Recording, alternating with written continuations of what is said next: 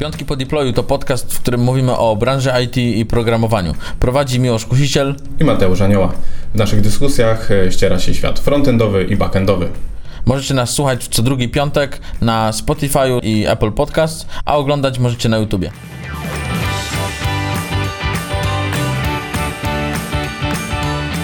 Witamy w kolejnym odcinku Piątków po Deployu. W tym odcinku porozmawiamy o mobile. Pewnie dużo o tym Androidzie, ale postaram się wcisnąć tutaj iOS-a, gdzie tylko będzie można. A dzisiejszym gościem jest y, Paweł Ławiński, który jest y, liderem działu mobile e, i co, na co dzień używa Androida i chyba zmieni na iPhone'a, ale to o tym przekonamy się dalej. Paweł, powiedz coś, coś więcej o sobie. Cześć, mam na mnie Paweł. E, faktycznie e, największą styczność miałem z Androidem.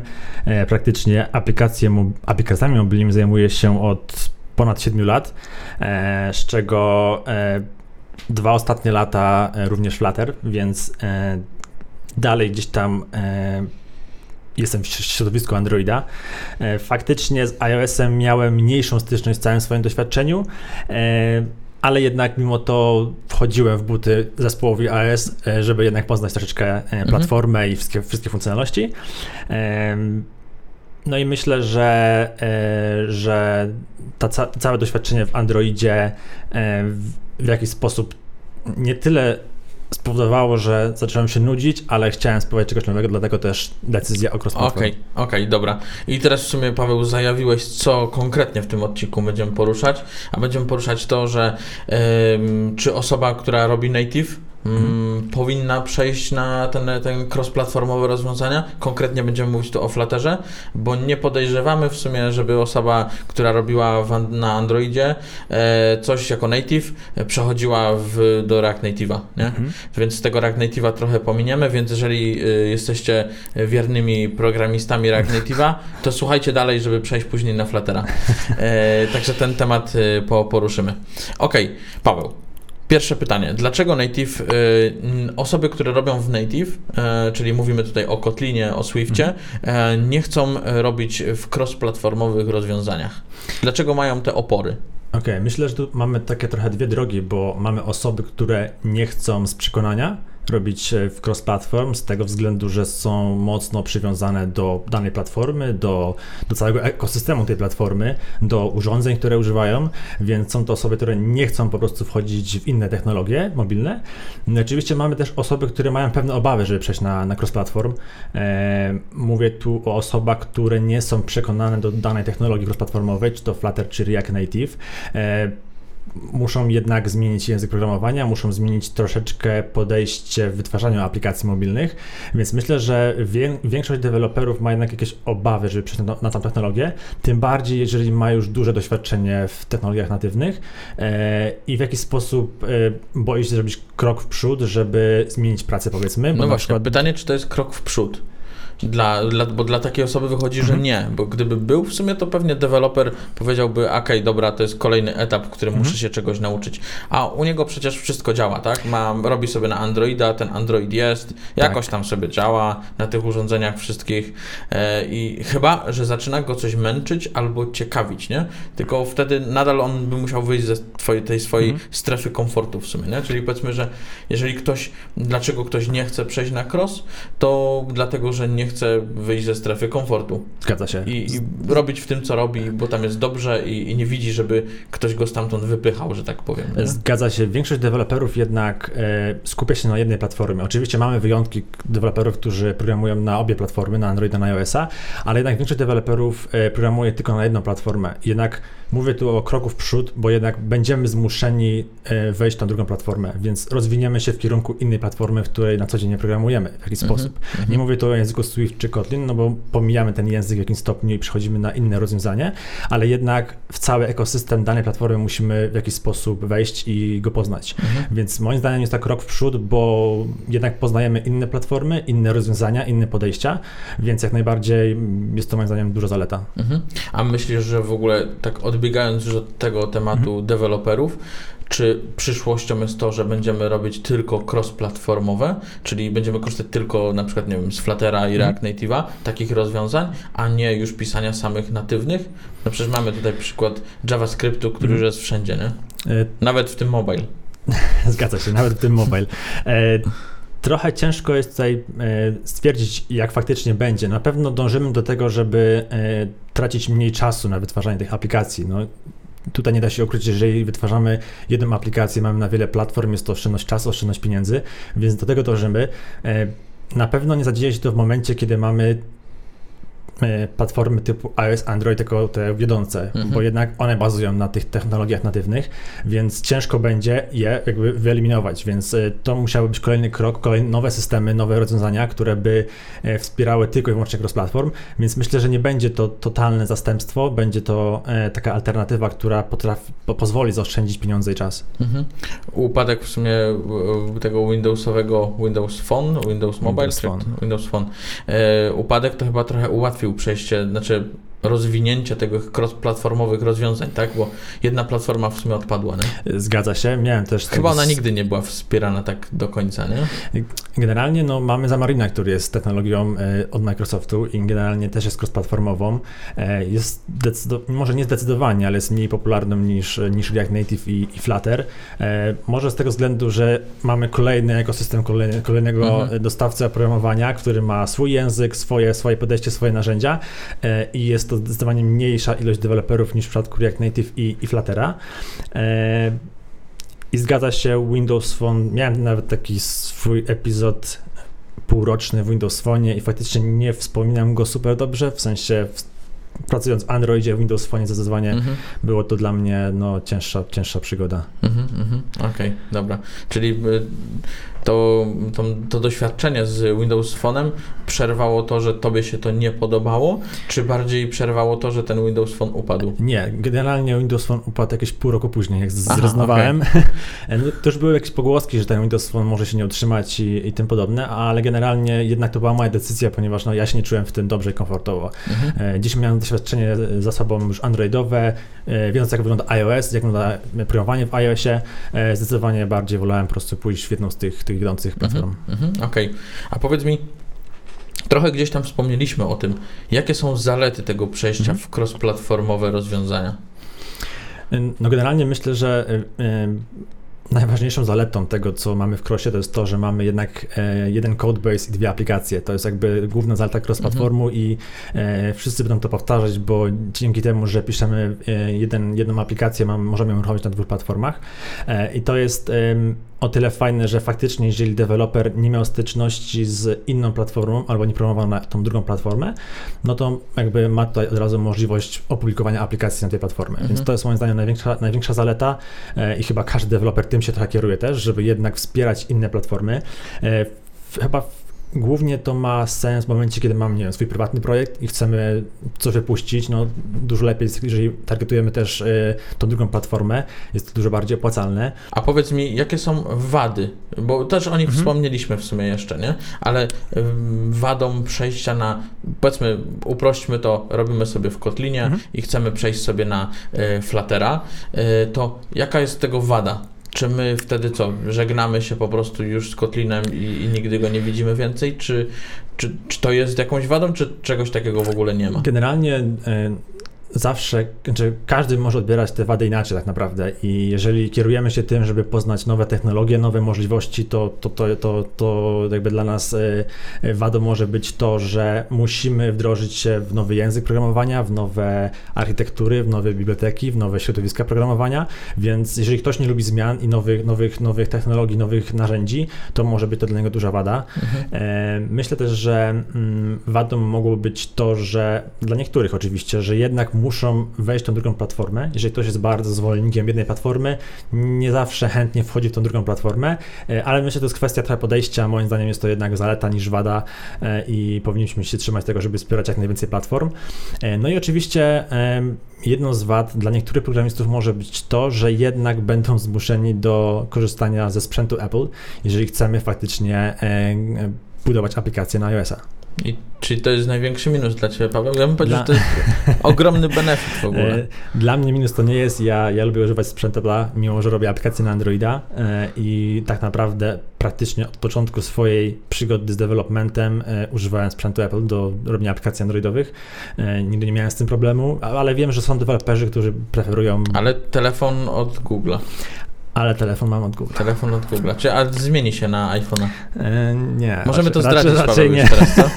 Jak teraz w podcaście i przed kamerami powiesz, że kupujesz jednego, jednak tego iPhone'a 12 Pro 512 giga, to, to... Myślę, że iPhone może być moim drugim telefonem, ewentualnie. No proszę, dobrze. nie, nie, myślę, że myślę, że jednak e, gdzieś jednak ten Android e, e, nie wiem, skradł trochę moje serce w, Mhm. w czasie tego całego developmentu, który, który miałem za sobą i dużo lepiej mi się go używa. Zresztą moja żona ma iPhone'a, więc mam okazję testować na, na dwóch urządzeniach. I jak y, korzystasz z tego iPhone'a, to parzą cię ręce? E, nie, Czujesz, ja, ja, nie- jest ja, nie, coś- ja nie jestem hejterem Apple'a. Dla mnie sprzęt jest bardzo fajny i e, sam, sam system jest ok, więc nie mam, nie mam tak, że, że jak No go teraz używam, są, teraz to... są widgety, Paweł. Teraz są widgety, tak na Androidzie są już od no, grubych kilku, kilku lat. Ale to są dopracowane, a nie takie tam, wiesz. Proszę cię, na Androidzie też są dopracowane, ale nie wchodźmy w szczegóły.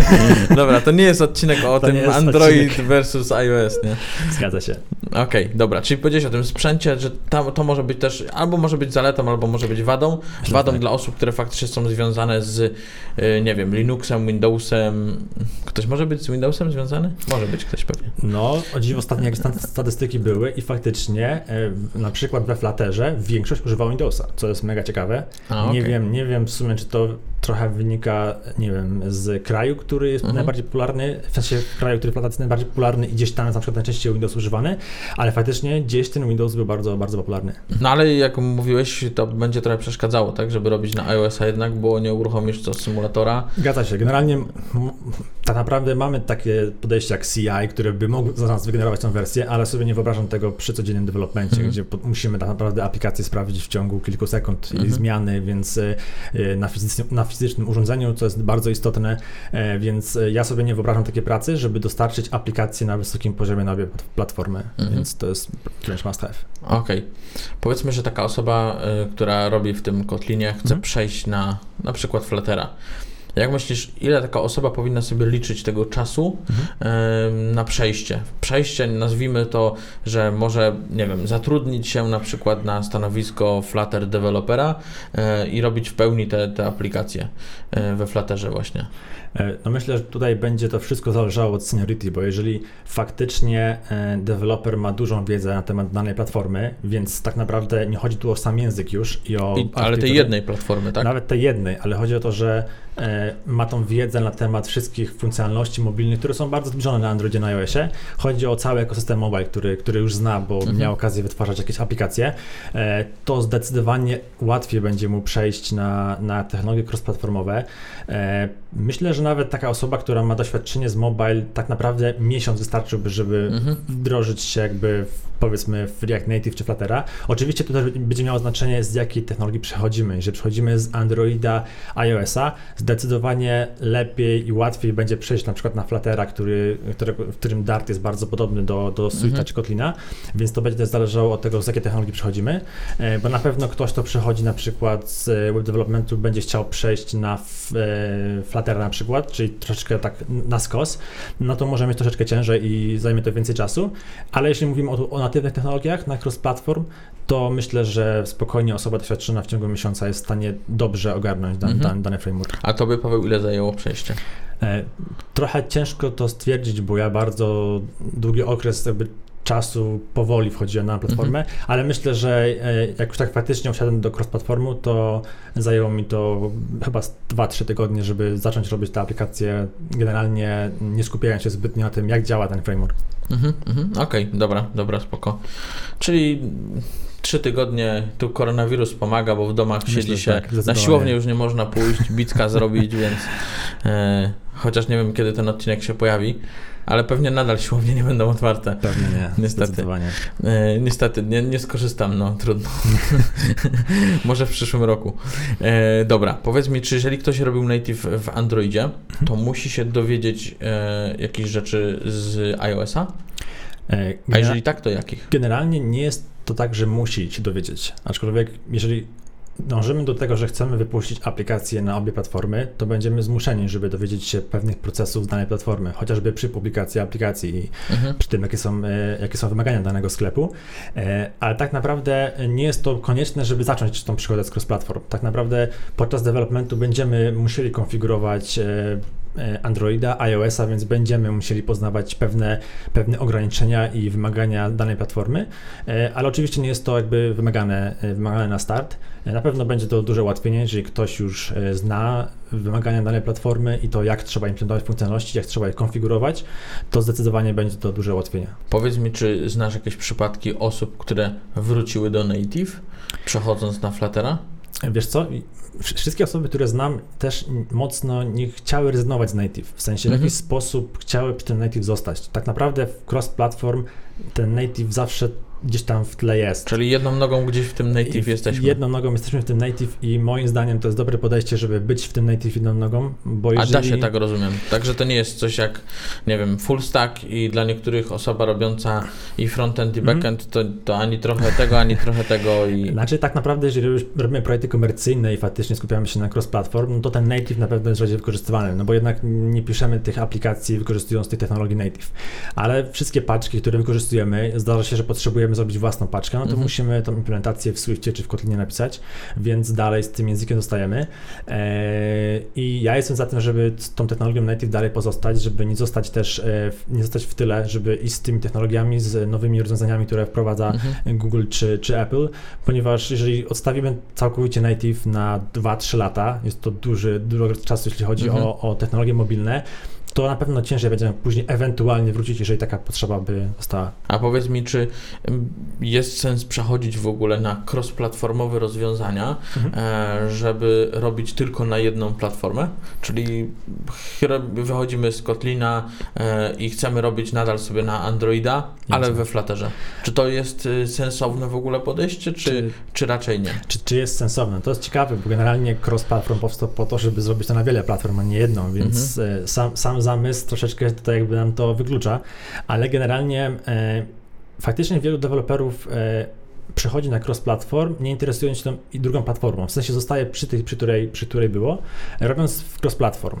E, moim zdaniem jest to spore ograniczenie, bo tak naprawdę e, nie poznajemy tej nowej platformy, nie poznajemy tych wymagań, e, więc w jakiś sposób nas to pewnie trochę blokuje.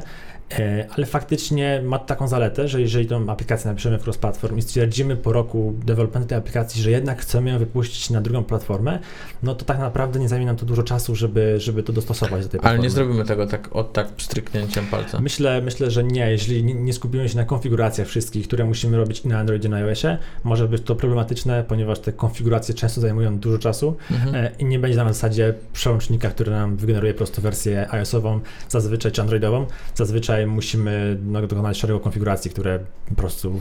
Tak brzmi, Paweł, jakbyście w tym Flutterze w ogóle nie programowali, tylko konfigurację składali. E, jeśli chodzi o platformy mobilne, to faktycznie duża część to są konfiguracje, żeby dostosować e, do tych funkcjonalności typowo platformowych, typu pusze, deep linking i tym podobne. Mhm. Nie jest to coś, co zajmuje też super dużo czasu. Jeżeli ktoś ma z tym e, doświadczenie, to zajmuje to mm, stosunkowo mało czasu, ale jak ktoś wchodzi to pierwszy raz, to może zająć to faktycznie dość sporo czasu. Mhm, mhm. Okej, okay, spoko. A powiedz powiedz mi, e, jeżeli mówimy o przejściu z jednego do drugiego e, i byśmy zaczęli mówić o technicznych różnicach, mhm. to jakie by to były? E, no tutaj myślę, że moglibyśmy długo rozmawiać, chodzić w szczegóły, jeśli chodzi o takie mhm. techniczne rozwiązania, techniczne różnice, ale myślę, że no jednak no, główną taką różnicą będzie oczywiście język programowania, bo raczej nie mamy te technologii cross-platformowej, która która używa Swifta bądź Kotlina. Oczywiście mamy Kotlin e, multiplatform, ale to, są, to jest troszkę inna, inna droga. E, ale myślę, że e, oczywiście język, oczywiście architektura, e, często wzorce są bardzo podobne do tych z native, bo jednak jest to po prostu zwykły język programowania, ale mamy inne biblioteki, mamy inne środowiska programowania, które czasami się zmienią, czasami nie. Mhm. Zakładam, że jeżeli ktoś przychodzi z iOS-a na przykład na Fluttera czy na React Native, to raczej wykorzysta inne narzędzie niż Xcode do mhm. tworzenia e, aplikacji. Jeżeli ktoś przychodzi z Androida, na przykład na Fluttera, to może dalej robić w Android Studio, więc zakładam, że te IDE się może zmienić, bądź, bądź się nie musi zmienić. Inne różnice techniczne. A w ogóle co jest podstawowym takim narzędziem do programowania do Fluttera? takim oficjalnym Android Studio? Nie ma oficjalnego, w sensie i Visual Studio Code i Android Studio są takimi e, dwoma, które są bardzo popularne wśród społeczności i zauważyłem, że większość deweloperów, która nie miała styczności z Android Studio, idzie w Visual Studio Code, Mhm. a deweloper, który miał styczność z Android Studio, jest przyzwyczajony No do jasne. IntelliJ'a, do środowiska IntelliJ, więc raczej używa Android Studio. Mhm. E, No jednak Visual Studio Code będzie lżejszy, troszeczkę mniej RAMu zużywał, więc dużo osób i tak wyko- wykorzystuje tego Visual Studio Code. RAMu tutaj przecież jest pełno na tych komputerach teraz to. E, No jest. Ale zjada aż tak dużo. No zjada, zjada sporo, w sensie, jeżeli faktycznie jeszcze mamy gdzieś uruchomione emulatory, symulatory, to naprawdę dużo, dużo RAMu potrzeba i czuć, czuć, Czuć powiew- ciepło, czuć, czuć- ciepło. Czuć ciepło i wiatr we włosach, jak tak, wiatraki się rozkręcają. dokładnie tak to wygląda. Okej, dobra. Z tych technicznych różnic jeszcze. Mhm. Czy ym, jest różnica w wydajności? E, Masz na myśli wydajności w stosunku do native? Tak, tak. E, Wiesz Robimy, co, mamy Kotlin, wiesz mamy co, zawsze, Fluttera. zawsze native będzie tym najbardziej wydajnym, w sensie najłatwiej uzyskać tą dobrą wydajność. Oczywiście Flutter, na przykład Flutter e, bardzo mocno celuje w tą wydajność e, i no, dąży do tego, żeby osiągać wydajność na poziomie 120 klatek na przykład na sekundę, Mhm. co jest dobrą wydajnością. E, React Native też ma dobrą wydajność, ale jakby wszystkie statystyki mówią, że gdzieś tam delikatnie jest za Flutterem, Mhm. to, nie- nie znaczy, że ta wydajność jest zła, po prostu... Mhm. po Może być też niezauważalna, ale Może przy jakichś konkretnych tak. aplikacjach będzie. Myślę, że właśnie przy tym odświeżaniu większym już e, może gdzieś to być wid- widziane po porównaniu React Native, Flutter i Native, Mhm.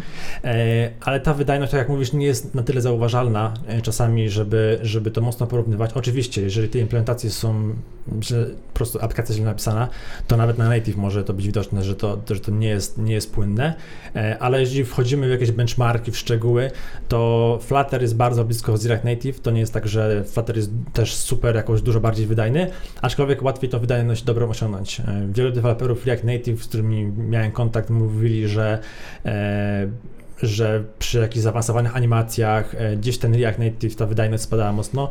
W Flutterze mm, zaawansowane animacje nie zauważyłem, że powodowały jakiś e, e, spadek klatek. W ogóle Więc animacje we Flutterze to jest chyba taki konik, tak? Czy Trochę, coś, coś, tro, co troszkę jest... tak. Generalnie Flutter dostarcza dość sporo komponentów, widgetów, które pozwalają nam na budować takie zaawansowane animacje e, kosztem jakby w sensie, że e, jesteśmy w stanie to zrobić bardzo szybko e, i wydajnie, Mhm. więc Bo pamiętam taką konferencję jakaś była y, z Flutterem, nie Mhm. pamiętam jak ona się nazywała, ale byliśmy na niej razem mhm. e, i, i nazywało, i tam pierwszej, przez pierwszą chyba godzinę czy dwie e, prezentowane były tak naprawdę wszystkie UI-owe e, feature'y no, jakieś, generalnie nie? Flutter jest frameworkiem UI-owym, No. bo o to chodzi, że Tak, tylko bardziej nie było to skupione dla deweloperów, Okej, tak, że okej. hej, zobaczcie jak to łatwo zrobić Mhm. aplikację, użyj tego, tego i tego, tylko bardziej było to prezentowanie samych jakby już gotowych rozwiązań, tak, bardziej, Tak. żeby, nie wiem, dla oka było coś Mhm. przyjaznego i tak dalej, nie? Mam wrażenie, że coś tak jak Apple działa trochę, ale e, może coś w tym takie być. moje skojarzenie. Ale faktycznie Flutter dostarcza dużo takich już gotowych narzędzi, które pozwalają nam te animacje zbudować. W sensie naprawdę nie, nie potrzebujemy e, nawet e, jakiejś dużej wiedzy, żeby te animacje stworzyć, nawet z zakresu animacji samych. Oczywiście mamy też narzędzia zewnętrzne, które nam pozwalają zbudować mega zaawansowane animacje, ale jeśli chodzi o takie standardowe, które wykorzystują też mobile do interfejsu, bo to jest najważniejsze tak naprawdę, to naprawdę mamy dużo, dużo gotowych widgetów, które nam to pozwalają po prostu zrobić. A powiedz mi, jak wygląda, bo to są piątki po deployu. No to muszę zapytać o deployment. Jak ten deployment wygląda? Czy on się różni w, w, w Kotlinie na przykład, a, Mhm. a w Flutterze? E, Generalnie nie, bo tak naprawdę właśnie od momentu deploymentu, czyli budowania tej wersji, w przypadku oczywiście mówię cross-platformą typu React Native Flutter, jest to, jest to zbliżone, e, generujemy te pliki wykonywalne, które, które Mhm. musimy po prostu deployować, e, czy to na jakiś CI, czy na Firebase App Distribution, czy już na Stora, więc cały ten proces generowania aplikacji jest taki sam. Oczywiście mamy jakieś dodatkowe narzędzia, które, e, czy toolsy, które też nam generują te, te aplikacje, ale jakby sam proces jest taki sam, więc jeżeli mamy CI, to między native a, a crossem nie będzie dużej różnicy. Mhm. Okej, jak już jesteśmy przy deploymencie, to zapytam, czy deployment w piątki robisz? Nie. Nie, ale dlatego, że Nie, no tak, szczerze, szczerze mówiąc, zdarzyło się kiedyś robić deployment w piątek, ale raczej było to na żądanie klienta wręcz. E, sam osobiście nie robię, bo deployment aplikacji mobilnych e, jest o tyle problematyczny, że aplikacja przychodzi review, więc jeżeli rzucimy aplikację w piątek, często i tak ta review nie przejdzie, więc... e, Bo... Czyli w sumie robienie sumie- deploymentu w piątek jest bezpieczne. Tak, no, w piątek można wrzucić, ale z manualną publikacją i Okej. opublikować to w poniedziałek. Okej, manualna publikacja to jest taka, że rozumiem, ktoś zatwierdza, a my jeszcze potem klikamy, że tak, opublikuj, w tak? storze musimy jeszcze potwierdzić Okej. e, publikację. To w sumie taka bezpieczna opcja, nie? Tak, wtedy faktycznie w piątek można byłoby to wrzucić. Niech, czy review i tak raczej nie przejdzie, bo w weekendy raczej nie jest, Mhm. e, nie jest sprawdzane. Nie wiem, czy tak w, czy i Google i w Apple, ale wiem, że wiem, że nie zawsze jest. E, I wtedy w poniedziałek dopiero opublikować. Mhm. A powiedz, jak to wygląda, bo zrobimy sobie deployment, no i teraz to w sumie zależy od użytkowników, nie? Czy oni Mhm. sobie pobiorą to, czy nie. Zgadza się. Tak, więc to trochę inaczej niż przy web developmencie, gdzie od razu każdemu serwujemy nową wersję, nie? Tak, zgadza się, dlatego często musimy zadbać o tą kompatybilność wsteczną e, i w przypadku, e, najczęściej w przypadku na przykład API, którego, w którym się komunikujemy, czyli backend też musi tą kompatybilność zachować z aplikacjami starszymi, które są Mhm. na markecie. Oczywiście większość użytkowników ma tą automatyczną aktualizację, więc e, dla większości zrobi się to w tle, ten update, no ale są tacy, którzy wyłączają tą opcję na przykład i dopiero przy manualnej aktualizacji e, tą aplikację dostaną i faktycznie musimy zadbać o to, żeby, żeby, żeby ta wsteczna aplikacja też, też, też działała. Narzędzia do debugowania jakoś się różnią? E, Szczerze mówiąc, różnią się dość mocno. W sensie, mm, tak naprawdę e, w Native mamy całkowicie inne narzędzia niż te, które mamy w React Native i Flutterze. Aczkolwiek i tutaj, i tutaj mamy ich na, na tyle są one dobre, że są wystarczające moim zdaniem e, w obu przypadkach e, sprawdzą się, ale na pewno musimy jakby, no, na, znaczy nauczyć się, po prostu musimy poznać te narzędzia i Mhm. wiedzieć, jak je obsługiwać, ale faktycznie narzędzia do debugowania, w sensie nie do debugowania, tylko bardziej do analizy kodu, analizy aplikacji, analizy wydajności, pamięci, faktycznie się różnią. Mhm, Okej. A jakbyśmy mieli mówić o szybkości developmentu, ale w taki sposób, że robimy też na Androida na przykład. Czy szybciej zrobimy natywną aplikację, czy szybciej zrobimy we Flutterze? E, Wiesz co, tu są właśnie zdania podzielone. Myślę też, że bardzo doświadczony programista natywny pewnie zrobi tę aplikację w podobnym czasie jak, jak we Flutterze, ale wielu deweloperów e, potwierdza, że e, w cross-platform aplikację zrobi szybciej niż w native. Myślę, że to też troszkę wychodzi z tego, że e, technologie cross-platformowe są nowsze niż native Mhm. i są trochę usprawniane. Ten development Okej. jest szybszy, jest trochę przyjemniejszy, więc często jest tak, że mm, aplikacje w cross-platformie zrobi się szybciej niż, niż w native. Mhm. Czyli pasuje dla startupów robienia MVP, Myślę, że concept zdecydowanie tak cross-platform jest idealny dla, tak mówisz, dla, dla MVP, dla startupów, dla jakichś prywatnych projektów, bo jednak faktycznie mamy dwie, dwie platformy. E, myślę, że to jest idealny. Czyli idealne też w sumie patrząc na to, że dla osób, które yy, nie wiem, interesują się po prostu yy, mobile i chciałyby zrobić sami sobie aplikację e, jakąś, yy, to pójście we Fluttera, czy w ogóle cross-platformowe rozwiązanie byłoby spoko, bo mogliby to zrobić szybciej po prostu, nie? Myśl, myślę, myślę, że tak. Jeżeli nie mają doświadczenia z mobile, mo, mogą mieć pewne jakieś mm, blokady w stylu, że właśnie musimy skonfigurować daną funkcjonalność e, jakby z poziomu już poziomu native, e, albo co gorsza, nie mamy jakiejś paczki, którą, która obsłuży za nas to, Mhm. e, to faktycznie musimy troszeczkę głębiej wejść w technologie natywne, e, ale generalnie myślę, że to dobre podejście. Okej, dobra. Yy, Na koniec zapytam, co byś zaproponował właśnie takim osobom, które Mhm. chciałyby przejść z jednej platformy do drugiej? Czy jakieś konkretne, nie wiem, kursy, jakieś konkretne podejście, nie wiem, no wiadomo, aplikacja To Do to każdy już pewnie zrobił 20 razy. E, Czy, czy jest coś, co byś polecił, od czego w ogóle zacząć i na co zwrócić uwagę? Na to, co tobie się rzuciło w oczy, przechodząc na przykład, nie? No, przyznam szczerze, że e, no, na pewno najlepiej robić to na projekcie, w sensie, jeżeli mamy taką możliwość, najlepiej z kimś, kto ma Klienckim najlepiej. E, Niekoniecznie, w sensie często do tego to się sprowadza, ale tu wtedy mamy zazwyczaj pomoc osoby, która ma doświadczenie już, więc e, jeżeli mamy możliwość rozwijania się przy osobie, która zna technologię, jest to zdecydowanie łatwiejsze, bo jednak nakieruje nas, co, co jest istotne w tej technologii albo w tym rozwiązaniu. E, Jeżeli nie mamy takiej osoby, no to faktycznie musimy posiłkować się dokumentacjami, e, publikacjami, jakimiś kursami też online. Tych kursów jest naprawdę bardzo dużo. Nie polecę jakiegoś jednego konkre- konkretnego, bo jest ich, jest ich cała masa, ale naprawdę jest ich dużo, więc po takim kursie będziemy mniej więcej wiedzieli, w którym kierunku w ogóle, w Mhm. ogóle uderzyć i za co się zabrać. E, Mamy też bardzo dużo e, open source'owych nawet całych projektów, które też nam Mhm. pokażą, jak podejść do tego w ogóle projektu, jak zarządzać e, całym kodem, jak zarządzać stylami, jak zarządzać jakimiś e, zasobami i tym podobne, więc e, open source na pewno jest tutaj bardzo istotny. No i oczywiście zawsze warto sobie zrobić jakiś swój własny, prywatny projekt, w którym e, jakiś problem sobie możemy rozwiązać i spróbować zrobić to za pomocą tej technologii właśnie, ale jednocześnie też spróbować wejść troszeczkę w obie, obie platformy, czyli Android, iOS.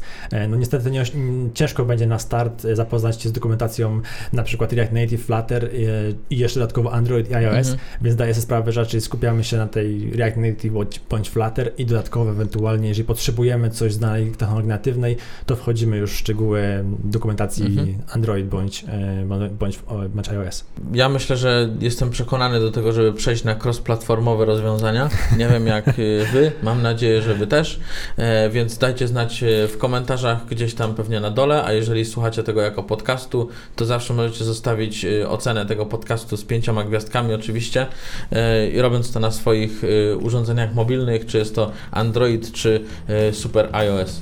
Super iOS i Android, dokładnie tak. Dzięki bardzo i do zobaczenia, Dzięki. do usłyszenia.